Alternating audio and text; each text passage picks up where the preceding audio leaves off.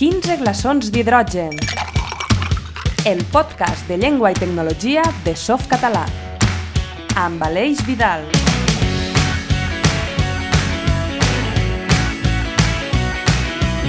Us donem de nou la benvinguda. Tornem a obrir les portes de la taverna dels 15 glaçons d'hidrogen per acompanyar-vos durant uns minuts en el món de la llengua i la tecnologia. Aquest és el nostre segon episodi. Si no vau sentir el primer, el podeu recuperar al nostre web, però també a les plataformes habituals, Spotify, Apple, Google... També us hi podeu subscriure i així no us perdreu cap més episodi. Ara mateix cal dir que estem de sort. La nostra taverna està exempta de les restriccions i mesures sanitàries que s'apliquen últimament, així que no us ho penseu més i quedeu-vos a fer un mos amb nosaltres. Vagi per davant tot el nostre suport a aquells que esteu patint el dia a dia d'aquesta pandèmia. S'està fent llarg i dur.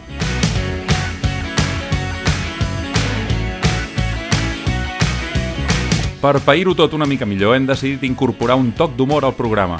Alguns ens vau dir que hi trobàveu a faltar una mica de comèdia. Doncs dit i fet, pareu atenció perquè hem decidit treure l'alcohol de la bodega. Només tenim un petit dilema. Què preferiu, whisky o ratafia? Cap al final del programa, en Jordi i en Joan ens serviran una mica de cada. Per cert, no ho vam comentar en el primer episodi. Us agrada la nostra imatge? És obra de la Maria Alejandra Roca, la companya que s'encarrega últimament del grafisme que utilitzem a les xarxes socials i al web. Moltes gràcies per aquesta meravellosa imatge, Mariale. Ens encanten els glaçons. En aquest segon episodi parlarem del LibreOffice, l'OpenOffice i tot l'embolic de la seva història. Tastarem una paella de pollastre i degustarem lentament un nou refrany català. També hi haurà moments pels enyorats accents diacrítics i per recordar els diferents webs que ha tingut Softcatalà.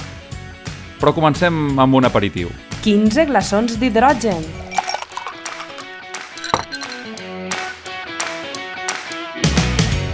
L'aperitiu d'actualitat. Avui us podríem parlar del nostre 22è aniversari, que va ser el passat 2 d'octubre. Podríem parlar de les ensabonades que ens vau fer a les xarxes socials.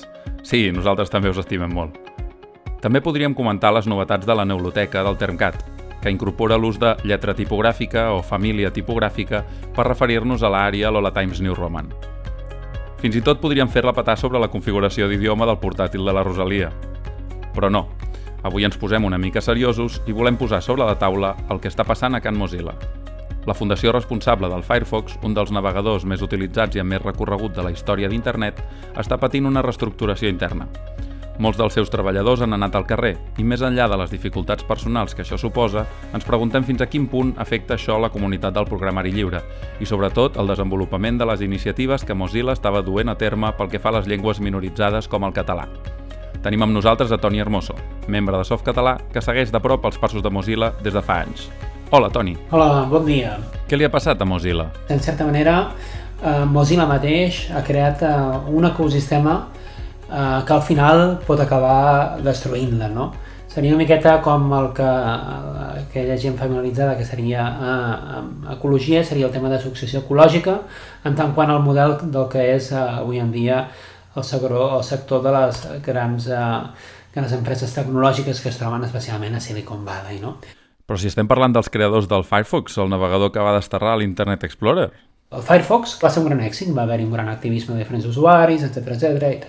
Amb l'èxit que va haver-hi, van començar els primers acords amb, amb, amb el que seria amb Google. Uh, aquells acords van ser bàsicament doncs, que, uh, incloent el que seria el, la, la barreta de cercador uh, en el navegador, doncs al mateix temps doncs, Mozilla rebria uns royalties. No? Poc després, el 2008, ja es va confirmar el que seria el Chrome. El Chrome va ser un dels productes de, de Google i, i bé, progressivament aquest navegador va, va anar aclaparant fins al dia d'avui, que és el, el majoritari.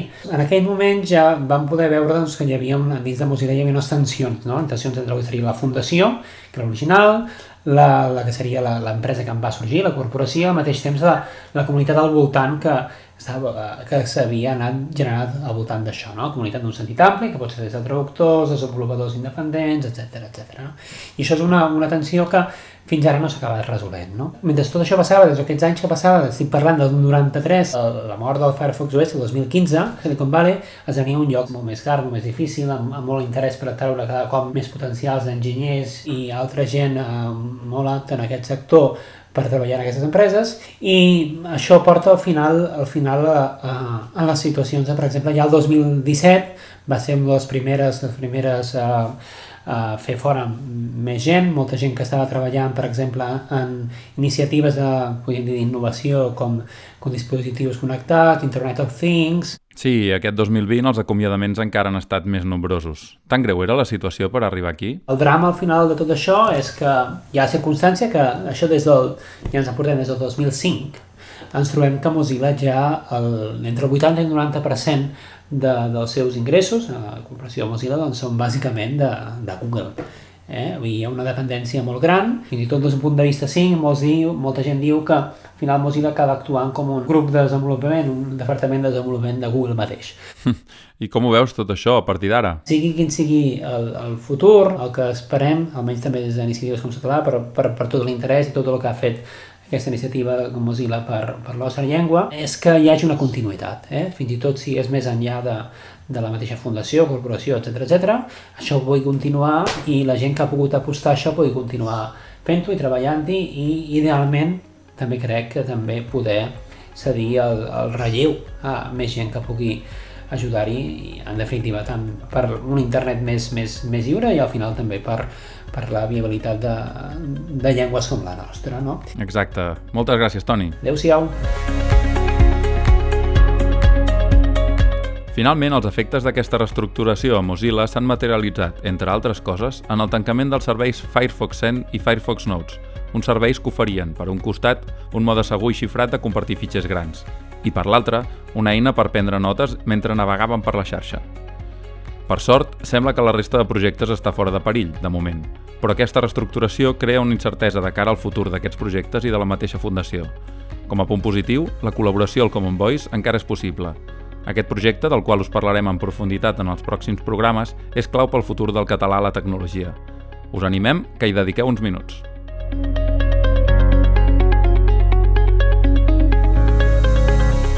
Quinze glaçons d'hidrogen. I arriba l'hora de tornar a obrir el nostre rebost.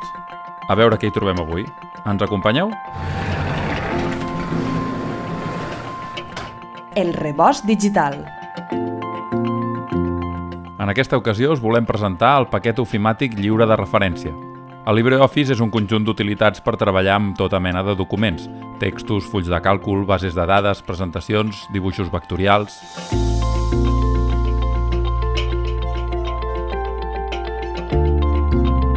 A molts de vosaltres potser encara us sona més el nom OpenOffice, i és que va ser així com es va conèixer la suite ofimàtica quan, al juliol del 2000, Sun Microsystems va decidir alliberar-la sota una llicència lliure per tal de competir amb el paquet de Microsoft, després d'haver-la comprat per a ús intern a StarOffice el 1999. Des de llavors es va convertir en el referent de codi obert del sector ofimàtic, però alguns dels membres de la comunitat OpenOffice, que no eren treballadors de Sun i que no compartien l'enfocament que donava l'empresa al projecte, van seguir treballant en una versió independent. En Joan Montaner, membre de Softcatalà i coordinador del projecte de traducció del LibreOffice, ens explica com va anar la història. Sun va deixar d'acceptar contribucions de la comunitat al codi i llicenciar el codi d'OpenOffice a IBM, sota una llicència propietària, en comptes d'una lliure. Mentrestant, la versió de la comunitat de programari lliure havia decidit adoptar el nom LibreOffice, que havia de ser temporal fins que Oracle, que el 2010 havia comprat Sun, s'incorporés a The Document Foundation i cedís el nom d'OpenOffice al projecte comunitari. Aquesta fundació estava pensada per a seguir amb el desenvolupament del paquet ofimàtic sota una llicència lliure, però Oracle va rebutjar la, la invitació. És així com el paquet ofimàtic lliure va quedar-se amb el nom LibreOffice, mentre que el 2011 Oracle va renunciar a l'explotació comercial d'OpenOffice per donar-lo a la Fundació Apache, que encara avui el manté viu, o més aviat zombi, amb el nom d'Apache OpenOffice. Han passat els anys i s'han publicat vora 20 versions del LibreOffice. Amb tot, la marca OpenOffice encara avui és molt coneguda, tot i que no s'ha publicat cap versió important des de fa més de 6 anys, només uns pocs pedaços de seguretat. Fa poques setmanes, coincidim amb el 20è aniversari de l'OpenOffice, The Document Foundation va publicar una carta oberta a Apache, demanant que reconsideri el futur del projecte Apache OpenOffice i ajuntar esforços per oferir un paquet ofimàtic potent i actualitzat als usuaris. Fet aquest viatge per la història, tornem al producte. LibreOffice és el paquet ofimàtic més complet en llengua catalana i a més multiplataforma, la qual cosa vol dir que es pot utilitzar en diferents dispositius i sistemes operatius. També hi ha disponible una versió en línia que qualsevol usuari, amb els coneixements adequats, pot hostatjar en un servidor. Planta cara d'aquesta manera solucions col·laboratives al web que proposen altres gegants del sector ofimàtic. És compatible amb els formats de Microsoft Office i se li pot incorporar al servei de correcció ortogràfica i gramatical Language Tool, que és la base del corrector de softcatalà. És a dir, que podeu tenir el nostre corrector, LibreOffice, perquè us ho corregeixi tot mentre ho escriviu. Us agradaria col·laborar amb nosaltres? Necessitem ajuda amb la traducció del LibreOffice. El projecte té més de 600.000 paraules i només ens en manquen per traduir 90.000. Podeu ajudar en la traducció i en revisar-ne la qualitat. Si us hi animeu, trobareu més informació de com fer-ho al nostre web. Parem taula.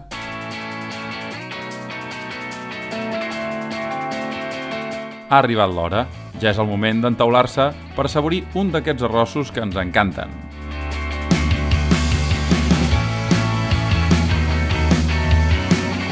Però per gaudir d'aquest ritual gastronòmic cal tenir una taula ben parada.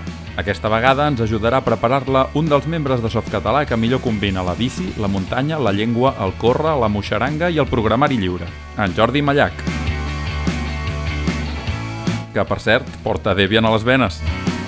Hola, sóc Jordi Mallac i fa molt de temps que sóc membre de Softcatalà. Soc de València, però ja fa gairebé una dècada que visc a les comarques centrals, entre Mur i Cocentaina, envoltant de les serres del comtat. Per l'any 2002 o així vas començar a contribuir a la traducció del nom sense saber de l'existència de l'equip de traducció de Softcatalà i de seguida Jordi Mas em va convidar a fer aquesta tasca des de l'associació. Amb els anys, la meva implicació ha anat canviant i he passat de traduir diferents projectes a dirigir els meus esforços cap al disseny i manteniment de la infraestructura de Softcatalà. Fa uns anys vas ser pare i vas passar una etapa durant la qual no vas dedicar-li a Softcatalà tant de temps com m'hauria agradat. I ara estic centrat en migrar tots els nostres serveis a tecnologies actuals com són Docker, la integració contínua basada en GitLab, etc. A banda, amb la resta de companys valencians, fem tasca de formigueta per a promocionar l'ús del valencià a les noves tecnologies sota el paraigua de Soft Valencià, la marca de Softcatalà per al País Valencià. Sí, sí, molt bé, però i l'arròs què? Com t'agrada a tu? O això de l'arròs no ho toques? Evidentment, sent d'on soc, tinc una opinió prou forteta sobre el tema dels arrossos. L'arròs que més gaudisc ara mateix és l'arròs a banda, però cap arròs serà mai tan bo com la palla de pollastre que feia ma abuela i ara ma mare.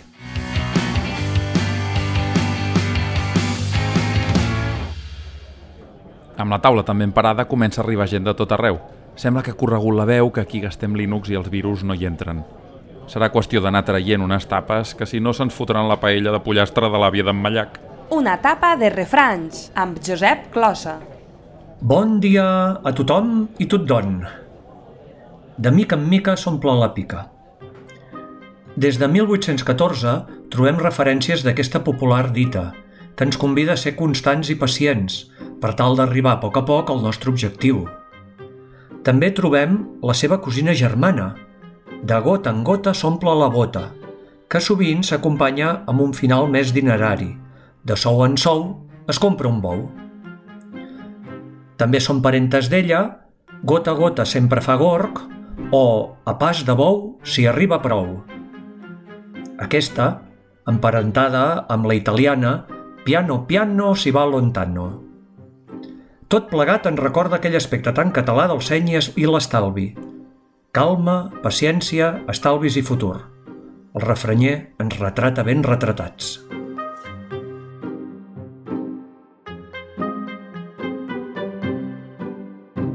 Quinze glaçons d'hidrogen.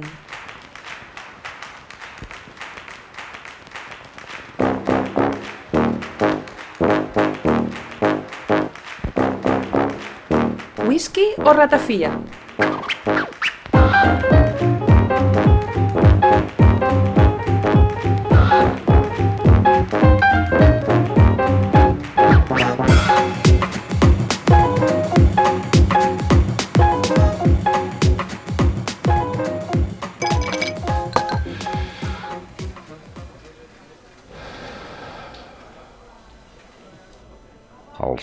Aquell que és un tio que va a l'oculista i l'oculista li diu «Sisplau, cavaller, què hi ha escrit allà a la pissarra?» El tio diu «Venen ossos». Diu, no es precipiti, sisplau. Fixi's bé què hi diu el tio. Venen ossos. Diu, està vostè nerviós i m'està posant nerviós a mi. Per última vegada què hi posa el tio.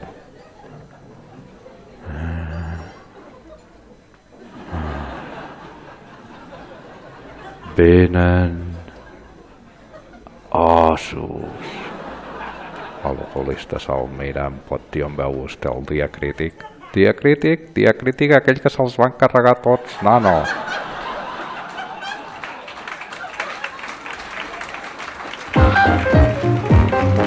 Es podria dir que els diacrítics se'ls van retallar en dos temps, en dos dies crítics, de fet. El 29 de setembre de 2016, el ple de l'Institut d'Estudis Catalans ratificava la gramàtica de la llengua catalana, la primera gramàtica institucional del català, que substituïa la que fins ara havia estat l'obra de referència, la gramàtica catalana de Pompeu Fabra, publicada pel mateix institut el 1918. La redacció de la gramàtica va implicar la conveniència de publicar una nova versió de l'ortografia de la llengua catalana, i és aquesta la que, entre altres canvis, va sentenciar la fi de vora 150 diacrítics. Només en van sobreviure 15. La nova ortografia va ser ratificada pel ple de l'IE el 17 de novembre de 2016. Així podem dir que, a banda dels desobedients, i malgrat la moratòria que ens permet usar-los fins al moment de menjar els 12 grans de raïm acompanyat dels nets, abans que ens vingui la son i movem tots els ossos el pròxim 31 de desembre, el dia crític, amb majúscules, fou aquell 17N.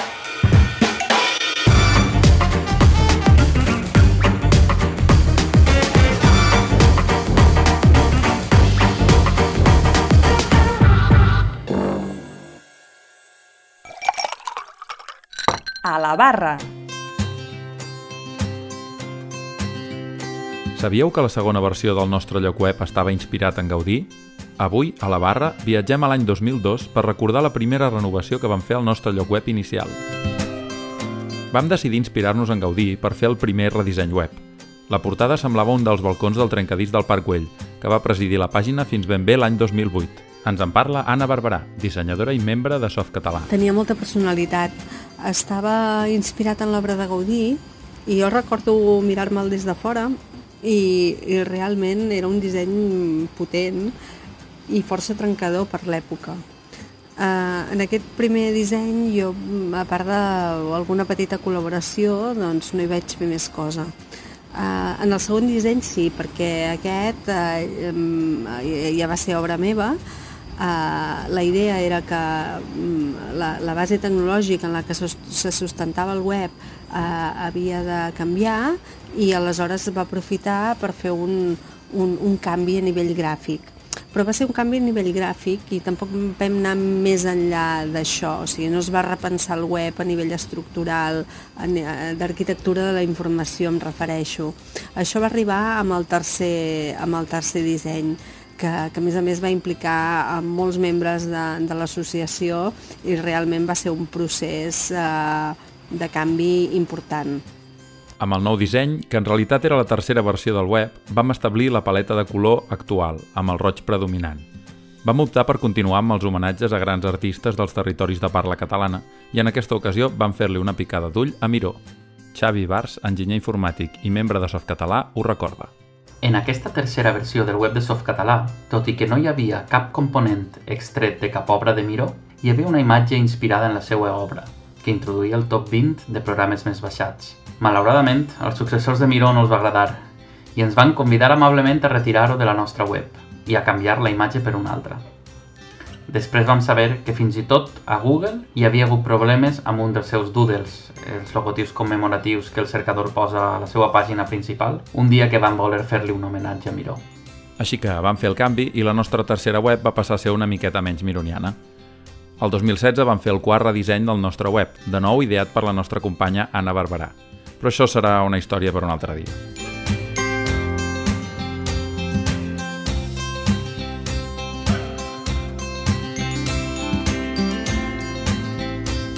Doncs aquest ha estat el segon episodi del nostre jove podcast. Ens agradaria saber què en penseu o si teniu algun suggeriment, així que no dubteu en deixar-nos els vostres comentaris a les xarxes. I res més, que la llengua us acompanyi, que la tecnologia ja ho fa massa. Fins al proper programa. Mentrestant, jove xef, porti whisky amb 15 glaçons d'hidrogen, coi! 15 glaçons d'hidrogen, el podcast de llengua i tecnologia de Softcatalà.